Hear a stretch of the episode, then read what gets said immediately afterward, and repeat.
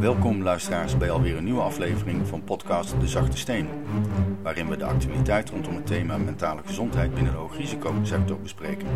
Daarbij schromen we niet om van gebaarde paden af te wijken, kritisch naar heilige huisjes te kijken en de weerstand op te zoeken. Hey, goedemorgen Michiel. Goedemorgen Sven. En welkom bij weer een nieuwe podcast.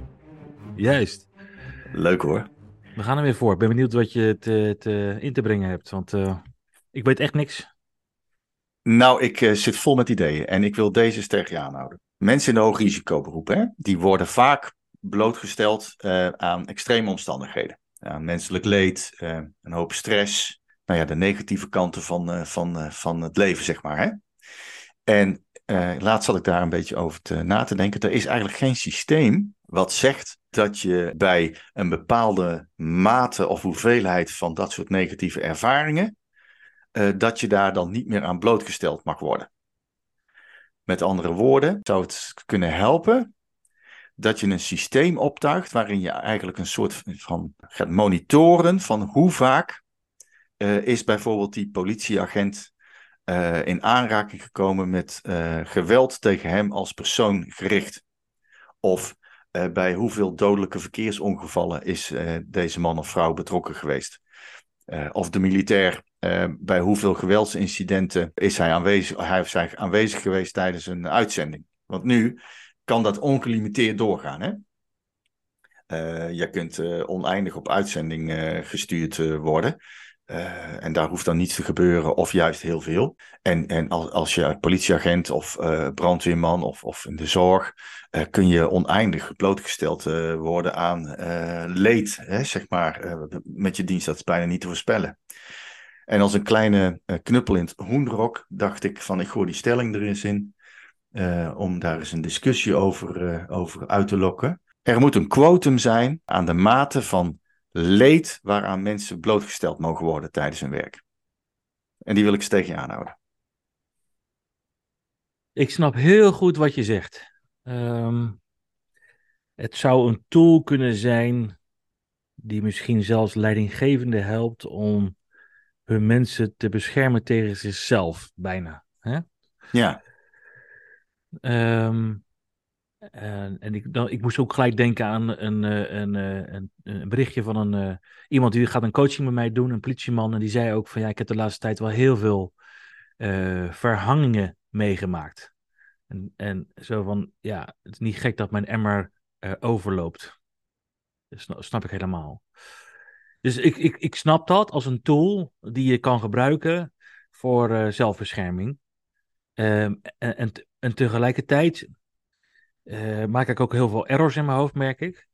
Uh, en dat, ik probeer het even te ontrafelen, want ik, ik, ik, ga hier natuurlijk voor het eerst over nadenken. Het heeft te maken met dat je natuurlijk eigenlijk gunt dat iedereen zijn eigen grenzen heel goed weet te bewaken. Dat zou ik eigenlijk iedereen gunnen. En dat je natuurlijk helemaal geen externe tool nodig hebt om jou erop te wijzen van joh, vriend, je hebt nu wel heel veel meegemaakt.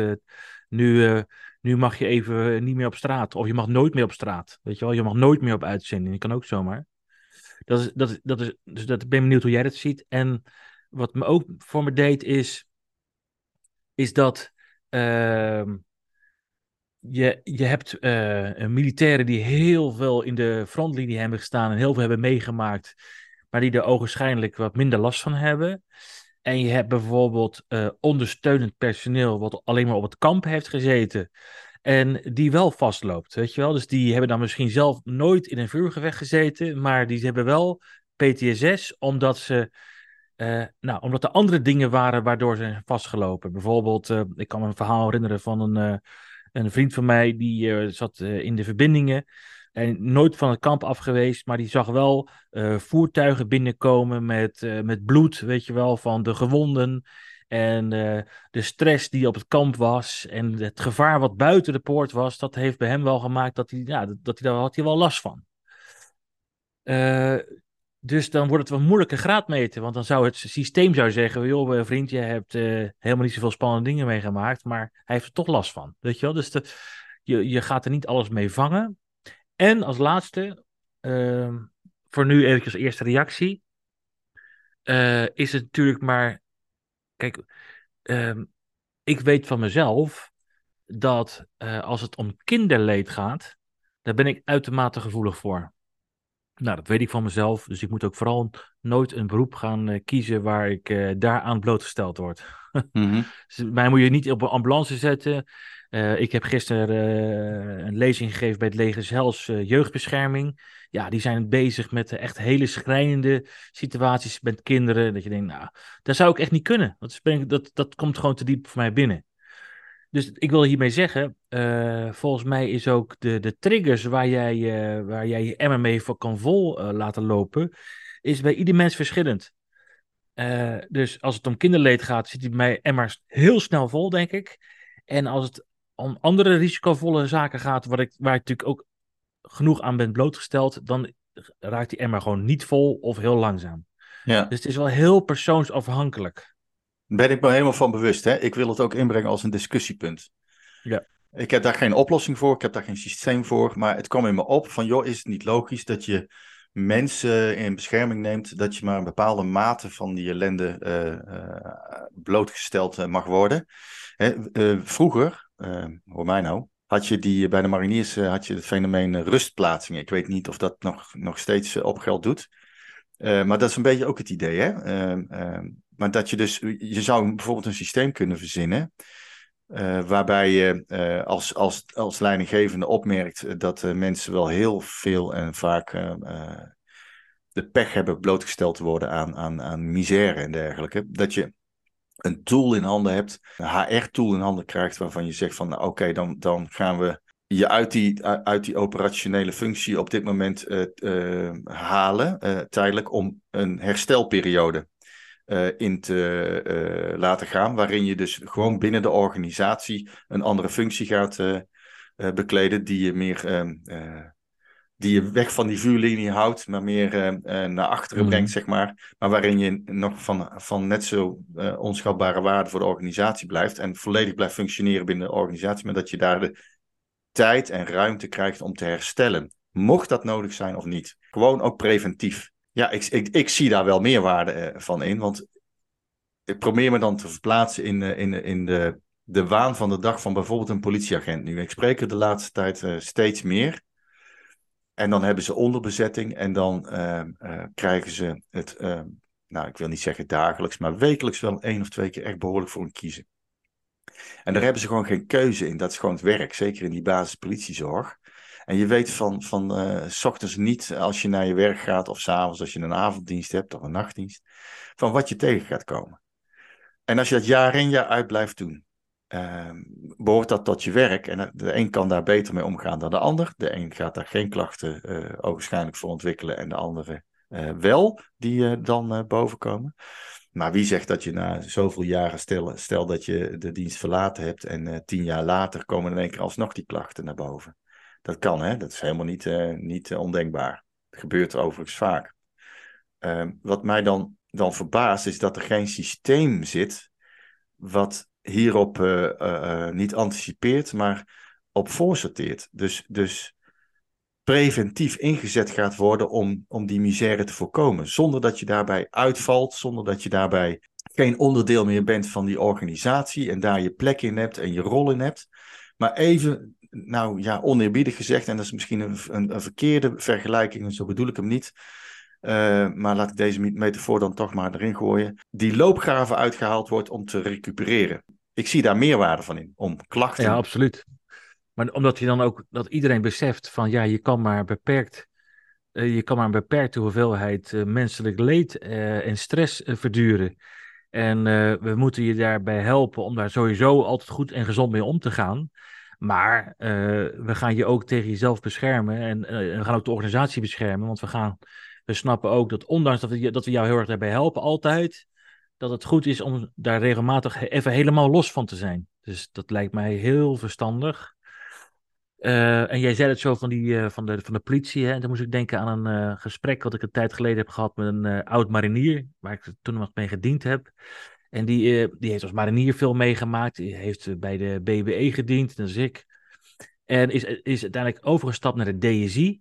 Nou, daar heeft hij natuurlijk veel meegemaakt. Uiteindelijk heeft hij veel bij het arrestatieteam gezeten. Daar heeft hij veel meegemaakt. Maar uiteindelijk is hij een tijd geplaatst geweest in Rotterdam-Zuid bij een wijkteam.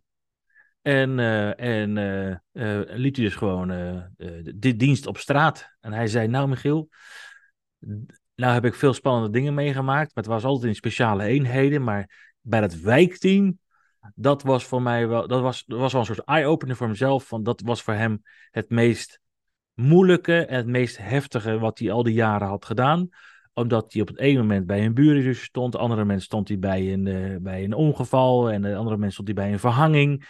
Dan had hij weer een uh, geweldsincident. Het was continu aanstaan en je, wordt, je zat continu met de poten in, uh, de, midden in de maatschappij. En um, je wordt blootgesteld aan allerlei stress. En dat, nou, dat vond hij erg intens en heftig. En ik kan me daar alles en alles bij voorstellen. En ik kan me er ook alles bij voorstellen dat je op een gegeven moment, uh, als je daar lang aan blootgesteld wordt, één, dat je er last van wordt, uh, hebt, maar ook twee, dat je er een soort van afgestompt van, uh, van raakt. Dat je, dat je in, in een zo heftige beschermingsmodus gaat, dat het, je, dat het je ook, dat je maar probeert om het je niet te laten raken. En dat is, dat is, dat is totaal logisch, maar wel heel schadelijk voor jezelf. Want het is heel moeilijk om zo'n beschermingsmodus dan ook in je privé. Uh, naar je kinderen toe, naar je partner toe, om zo'n beschermingsmodus weer los te laten. En, um, uh, en, we moeten dus. Het is denk ik belangrijk dat we deze ja, kennis dus heel erg breed uitdragen. En daarom vind ik deze podcast ook echt wel, wel echt ja, nuttig. Omdat ik het gevoel heb dat er ook maar weinig, dat er weinig aandacht voor is en weinig kennis op dit thema is.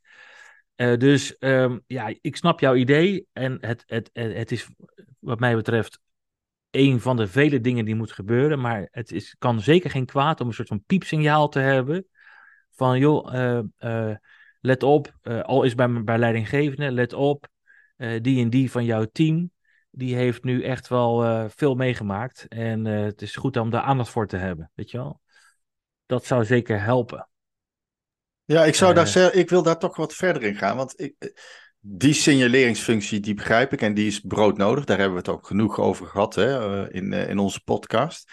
Maar ik zou vanuit een instituut, zoals politie, brandweerzorg, ziekenhuis, et cetera, zou ik recuperatiefuncties zo, zo, zo, zo, zo fijn vinden. Gewoon verplicht het is een cyclus die je in je loopbaan volgt. Je, doet, je gaat uh, operationeel en daarna ga je verplicht een andere functie doen uh, buiten de operatie om, uh, zodat je kunt herstellen. En of je het nodig hebt of niet, het is gewoon een verplichting. En ja. ik denk dat, dat daar mogelijkheden voor zouden kunnen zijn. En om, om vooral ook, eh, ook al is er niets met die persoon aan de hand en wil die dolgraag in de operatie blijven, dat het toch verplicht wordt van nou, we gaan het gewoon zo doen. Uh, want het, kan nooit kwaad. Uh, al is maar ter preventie. Ja, het is, ik ben het heel met je eens. Hè? En, uh, en tegelijkertijd is het ook, zitten een aantal valkuilen in die je ook op tafel moet leggen. ik heb een keer een, een dame mogen helpen en die heeft jarenlang bij de zedenpolitie gewerkt. Nou ja, ja, nou ja, dat is ook al één bak ellende, hè? Ik zei net al, hè, mijn, uh, mijn uh, trigger is echt kinderleed. Nou ja, die is daar natuurlijk jarenlang aan blootgesteld geweest. Dus het is totaal logisch dat die daar heel veel last van heeft. En, uh, nou. Maar dan heb je natuurlijk een specialisatie zeden. En dat is natuurlijk best wel lastig van wat ga je dan, wat ga je dan anders doen. Hè? Dus dat is, daar moet je eventjes natuurlijk goed over nadenken. En een, een valkuil ook is bijvoorbeeld bij ik noem maar eventjes, uh, waar ik ervaring mee heb, is met, met de mariniers. Dus dat je, uh, dan krijg je de rustplaatsing instructeur van de initiële opleiding. En um, nou, dat snap ik, want je wordt dan even niet blootgesteld aan, aan, aan grote stress en zo, en menselijk leed. Maar je moet goed kijken wat die rustplaatsing is. Want zo'n instructeursfunctie bijvoorbeeld is weer echt een specialisatie. Dan moet je ook maar echt liggen. En dan moet je ook uh, goed voor in balans zijn. En dat is eigenlijk ook gewoon echt een, uh, een, uh, een hele specialistische tak. Nee, helemaal, met, helemaal dus, mee eens. Dus, dus, je moet eens goed kijken, denk ik, van oké, okay, we gaan een soort van roulatie doen van in de frontlinie, uit de frontlinie. Maar onderschat niet die functies uit de frontlinie. Dat dat heel belangrijk is dat je dat ook heel goed snapt wat dat betekent. En dat je zelf in balans bent en dat je er ook kennis van hebt. Want uit die frontlinie kan je ook heel veel schade namelijk uh, toebrengen. Helemaal mee eens. En, en er zitten heel veel haken en ogen aan, uh, aan het, uh, het onderwerp wat ik inbreng. Dat realiseer, me, realiseer ik me. Ik heb ook geen oplossingen en het zijn terechte punten die je inbrengt. Maar iets om daarover na te denken als organisatie, dat lijkt me misschien wel zinvol.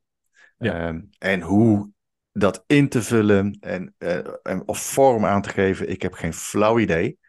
Ehm, maar het idee dat je kunt recupereren binnen je rol, binnen je organisatie, binnen je eenheid, waar die ook ligt, uh, dat die uh, recuperatie niet vrijblijvend is. Dat is iets waar ik uh, nog wel eens een, een boom met, met organisaties over op zou willen zetten. Omdat dat mij erg zinvol lijkt om, om dat iets in welke vorm dan ook te gaan organiseren. Ja, nou, een, een kennis van ons allebei, uh, die heeft na 39 jaar politievak, heeft hij gewoon gezegd, ja, ik, uh, ik wil wel graag bij de politie blijven, maar ik ga niet meer de straat op. Want, want hij merkte van, uh, het is wel een beetje klaar nu. Mijn emmer zit wel echt goed vol met al die ervaringen. Ja. En dat besef had hij op een gegeven moment dat hij, dus stond hij weer bij een spoor, stond hij bij een, een, een, bij een springer, zeg maar, die, die mm -hmm. zelf had gepleegd. En dat hij dat weer allemaal weer, weer aan blootgesteld werd. En al die, uh, ja, dat leed wat er omheen zit. Ja, hij, dat was gewoon een realisatie van hem. Van ik, het is gewoon klaar. Maar wat ik wel van hem begreep, is dat de uh, politieorganisatie dat wel heel erg lastig vond om te horen van ja, maar wat? Uh, dit is gewoon zeg maar, dit hoort bij het politievak. Je bent hiervoor ben je politieman geworden. En dus niet realiserende, ja, 39 jaar dit hier aan blootgesteld worden, dat doet iets met een mens. Dus uh, wat ik van, van zijn verhaal begreep, is dat de organisatie daar niet op, mm, geen bewustzijn op had. En ook weinig begrip voor had in eerste instantie.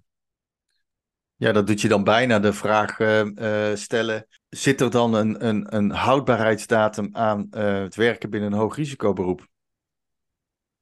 Nou, wel in die frontlinie, zoals jij het ook schetst. Dat, dat, dat lijkt mij wel. Ja, kijk, de, de, de diender zelf, of de militair zelf kan wel zeggen, ja, wat een gelul, weet je wel. Uh, ik kan het allemaal prima. Maar het is best wel lastig om, dat, om naar jezelf te kijken natuurlijk. En om je eigen grenzen te bewaken. En uh, oprecht eerlijk naar jezelf te zijn. Dat is super lastig. Uh, dus ik denk dat uit nou, personeelsbetrokkenheid, uit zorg voor je mensen dat, dat, dat er beter nagedacht moet worden, laat ik het maar iets ruimer schetsen, over van hoe lang kan je iemand uh, blootstellen aan uh, zoveel leed. Ja, ja. Maar ja, terecht punt. Ik heb er nooit zo echt over nagedacht, maar uh, ik denk dat hier wel een kern van waarheid in zit. Ja. Ja, hoe in te vullen weet ik niet hoor, maar um, ja, ik vond het wel een, onderwerp wat ook heel actueel is, omdat die je, je krijgt steeds meer um, uh, door hoeveel mensen in de hoogrisicoberoepen uh, vastlopen en klachten ontwikkelen. Om allerlei redenen. Maar het wordt er ook niet beter op met alle maatschappelijke uh, ontwikkelingen. De werkdruk, de werklast, um, sociale druk. We moeten van alles. We hebben weinig ruimte om te recupereren. Hadden we in de vorige podcast nog, nog een boom over opgezet. Dus het is niet te verwachten dat um, ook door, door tekorten in de sectoren uh, het in de nabije en uh, toekomst, maar ook, ook voor de langere termijn, de factoren die van invloed zijn op de mentale gezondheid um, van, van deze medewerkers zullen verbeteren. Ja. Dus misschien moeten we innovatiever gaan denken. En misschien moeten we ook veel meer preventiever gaan werken, maar ook radicaal preventief. Dus afgedwongen preventiemaatregelen gaan nemen. Ja. Niet vrijblijvend, dat bedoel ik. Ja, kijk, ik uh, had uh, recent had ik een uh, ambulanceverpleegkundige aan de lijn. ergens in de 50 is die. werkt al jaren op de ambulance. En ik had hem in gesprek. En toen zei hij van, nou, hij ging weer, moest weer aan het werk. En ik zei, nou, ik hoop dat je een beetje je kopje erbij kan houden. Toen zei hij van, ja, nou ja, gewoon knop om en we gaan, hè. Dat ja. was zijn antwoord. Ja. En denk ik, ja, ik snap wat je zegt, maar die man belde mij natuurlijk als coach niet zomaar. Die had natuurlijk een hulpvraag. En is in de 50, doet het al jarenlang. En doet ook al jarenlang even knopje om en gaan. Dus ja, op zo'n ambulance werken of op de spoedeisende hulp of uh, uh, als traumaarts of zo, weet je wel. Dat zijn natuurlijk ook van die beroepen waar je eigenlijk, ja, dat is dus je werk. Je bent alleen maar continu bezig met, met, met leed. Uh, en het zijn natuurlijk ook logischerwijs niet zomaar de beroepsgroepen waar ook uh, mentale problemen ook heel erg hoog zijn. Hè? Dus volgens mij is het in het, het, het PTSS onder chirurgen, want daar hebben we het nooit over gehad, maar ik heb een keer zo'n zo'n staatje gezien. Stond chirurg stond op nummer 1 voor de beroepsgroep met, uh, met PTSS. Moet je zien, joh. Dus er mag, gewoon bewustzijn op gaan komen van dat we, dat ondanks dat de mensen zelf misschien aangeven inderdaad van nee, dat gaat prima en uh, kunnen daar natuurlijk gewoon patronen onder zitten waarbij ze zichzelf gewoon heel erg vergeten. Uh, dus, dat je toch jezelf voorbij loopt, dat je jezelf helemaal niet goed kan coachen daarin. Van is een emmer nou vol of is, is die half vol of is die nog helemaal leeg? Dat is heel moeilijk bij jezelf, denk ik, ook goed te, te, te, te zien. Uh, dus daar kan je inderdaad preventieve maatregelen op, uh, op zetten om ook de mens tegen zichzelf te beschermen. Ja, ja. ik denk dat dat een, eh, een hele goed, goed uitgangspunt is. En hoe, wat, het, wat, wat dan ook de, de, de invulling gaat worden, ja, dan moet je er goed over nadenken. Maar een, meer preventieve maatregelen. En dan beseffende, ja, fucking hell, dit willen we dan in een werkveld. Waar de, waar de werkdruk al gigahoog is, personeelskorten zijn, bla bla bla bla bla. Dus het, is natuurlijk al, het lijkt alsof het een interventie is die die dynamiek alleen maar erger maakt. Dus nog grotere personeelstekorten en zo, want mensen moeten, moeten weer tot rust komen en zo. Maar ik denk dat het uiteindelijk een mindfuck is. En ik denk dat je dit als je dit soort maatregelen gaat nemen en personeel, de diender, de militair, de ambulanceverpleegkundige echt op nummer 1 zet en het welzijn van die mensen op nummer 1 zet, dat het uiteindelijk ook enorm positieve uh, werking gaat hebben op uh, nou ja, de aantrekkelijkheid van het beroep en de, het voorkomen van uitval en het voorkomen van uitstroom. Ja, absoluut. Dus uh, ik denk dat dat heel erg gaat, juist gaat bijdragen aan, aan, aan gezond en voldoende personeel. Ja. ja, en ik denk dat je het ziekteverzuim terugdringt en de uitstroom um, uh, ook terug kunt dringen hierdoor. Waardoor je dus uh, meer mensen aan het werk houdt binnen je organisatie. En daardoor de werkdruk en werklast uh, gaat verminderen. Ja. Ehm, dat denk ik wel met dit soort maatregelen. Dus ik, ja. het, lijkt me, het lijkt me heel zinvol voor organisaties om daar in ieder geval eens over na te denken. Om daar extra aandacht aan te, ehm, te besteden. Mm. En ik ben ook mm. heel benieuwd. Ehm, hoe onze luisteraars hierop reageren en wat hun ideeën daarvan zijn. Uh, binnen de verschillende uh, sectoren waarin ze werkzaam zijn. Ja. Uh, ik, ik heb geen oplossingen, die heb jij ook niet. maar er zullen vast mensen zijn die daar veel dieper over nadenken en kunnen denken en of misschien al gedaan hebben.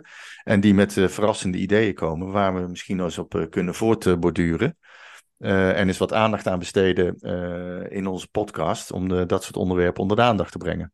Ja. Dus ik, ik wil, mag ik er nog eentje aan toevoegen? Want er komt er een eentje nemen op, Sven. En dat is eh, dat ik uh, in mijn praktijk ook regelmatig mensen uit het uh, ziekenhuiswezen zeg maar, krijg. Mensen die in de zorg werken. En nou ja, even zeg maar een, grofweg gezegd zie je dat mensen in die wereld vastlopen. Omdat ze wel heel erg voor anderen gezorgd hebben, maar te weinig gezorgd hebben voor zichzelf. En, ehm, en, en, en wat je dan ziet is, als je dan een beetje teruggaat in hun tijdslijn, dan zie je dat dat het mensen zijn die inderdaad een heel zorgzaam karakter hebben, die ook echt voor anderen willen klaarstaan, dat het, dat hoort ook echt bij ze.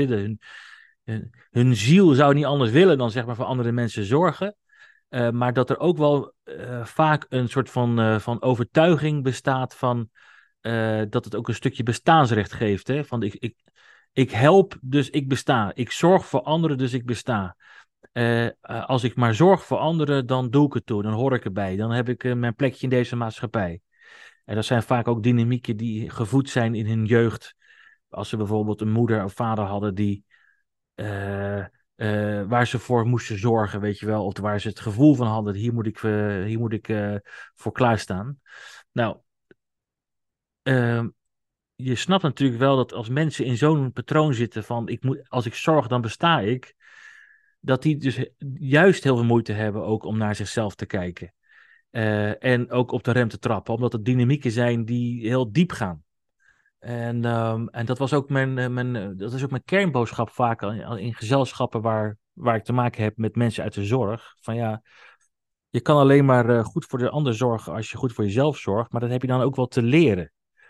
En ehm, dat wat jij eigenlijk nu voorstelt, dat is een van, een van die maatregelen, dat je dus het ook gaat leren en ook gaat waarderen dat je dus tijd en ruimte neemt voor jezelf. En al is het maar verplicht, uh, maar ik weet zeker, de, de ambulanceverpleegkundige die verplicht wordt om eens eventjes uit die frontlinie te gaan, die gaat uiteindelijk, als hij in die fase zit van rust en reflectie, gaat hij, gaat hij dat kunnen waarderen. Hij gaat er heel veel baat bij hebben en uiteindelijk zal hij misschien ook wel kunnen reflecteren van ja, dit, is, dit, dit mag ik wel wat vaker doen in mijn leven. wie, ja. wie, kent dat, wie kent dat gevoel niet, dat hij op vakantie is en denkt van zo, maar dit had ik eigenlijk veel eerder moeten doen. Of uh, nou, dat, die vibe waar ik nu in zit, als ik zo meteen weer aan het werk ga, moet ik deze vibe wel vast zien te houden. Weet je wel, dus iedereen kent dat. Ja, ja we gaan het eh, allemaal anders doen deze keer. Ja, anders, we gaan anders doen. Nou, meer tijd voor mezelf nemen. Ja, dus juist in die hoogrisicosector, zorg er maar voor dat, er, dat, dat je mensen verplicht worden om, uh, om tot in, in rust te komen. Ja, heel, heel goed idee, Sven. Nou, dankjewel. Ik hoop dat we reacties krijgen van onze luisteraars op onze onderwerpen en vooral op dit onderwerp nu. En daarbij wil ik aangeven dat wij op LinkedIn hebben wij een groep, zoals je weet, de Zachte Steen.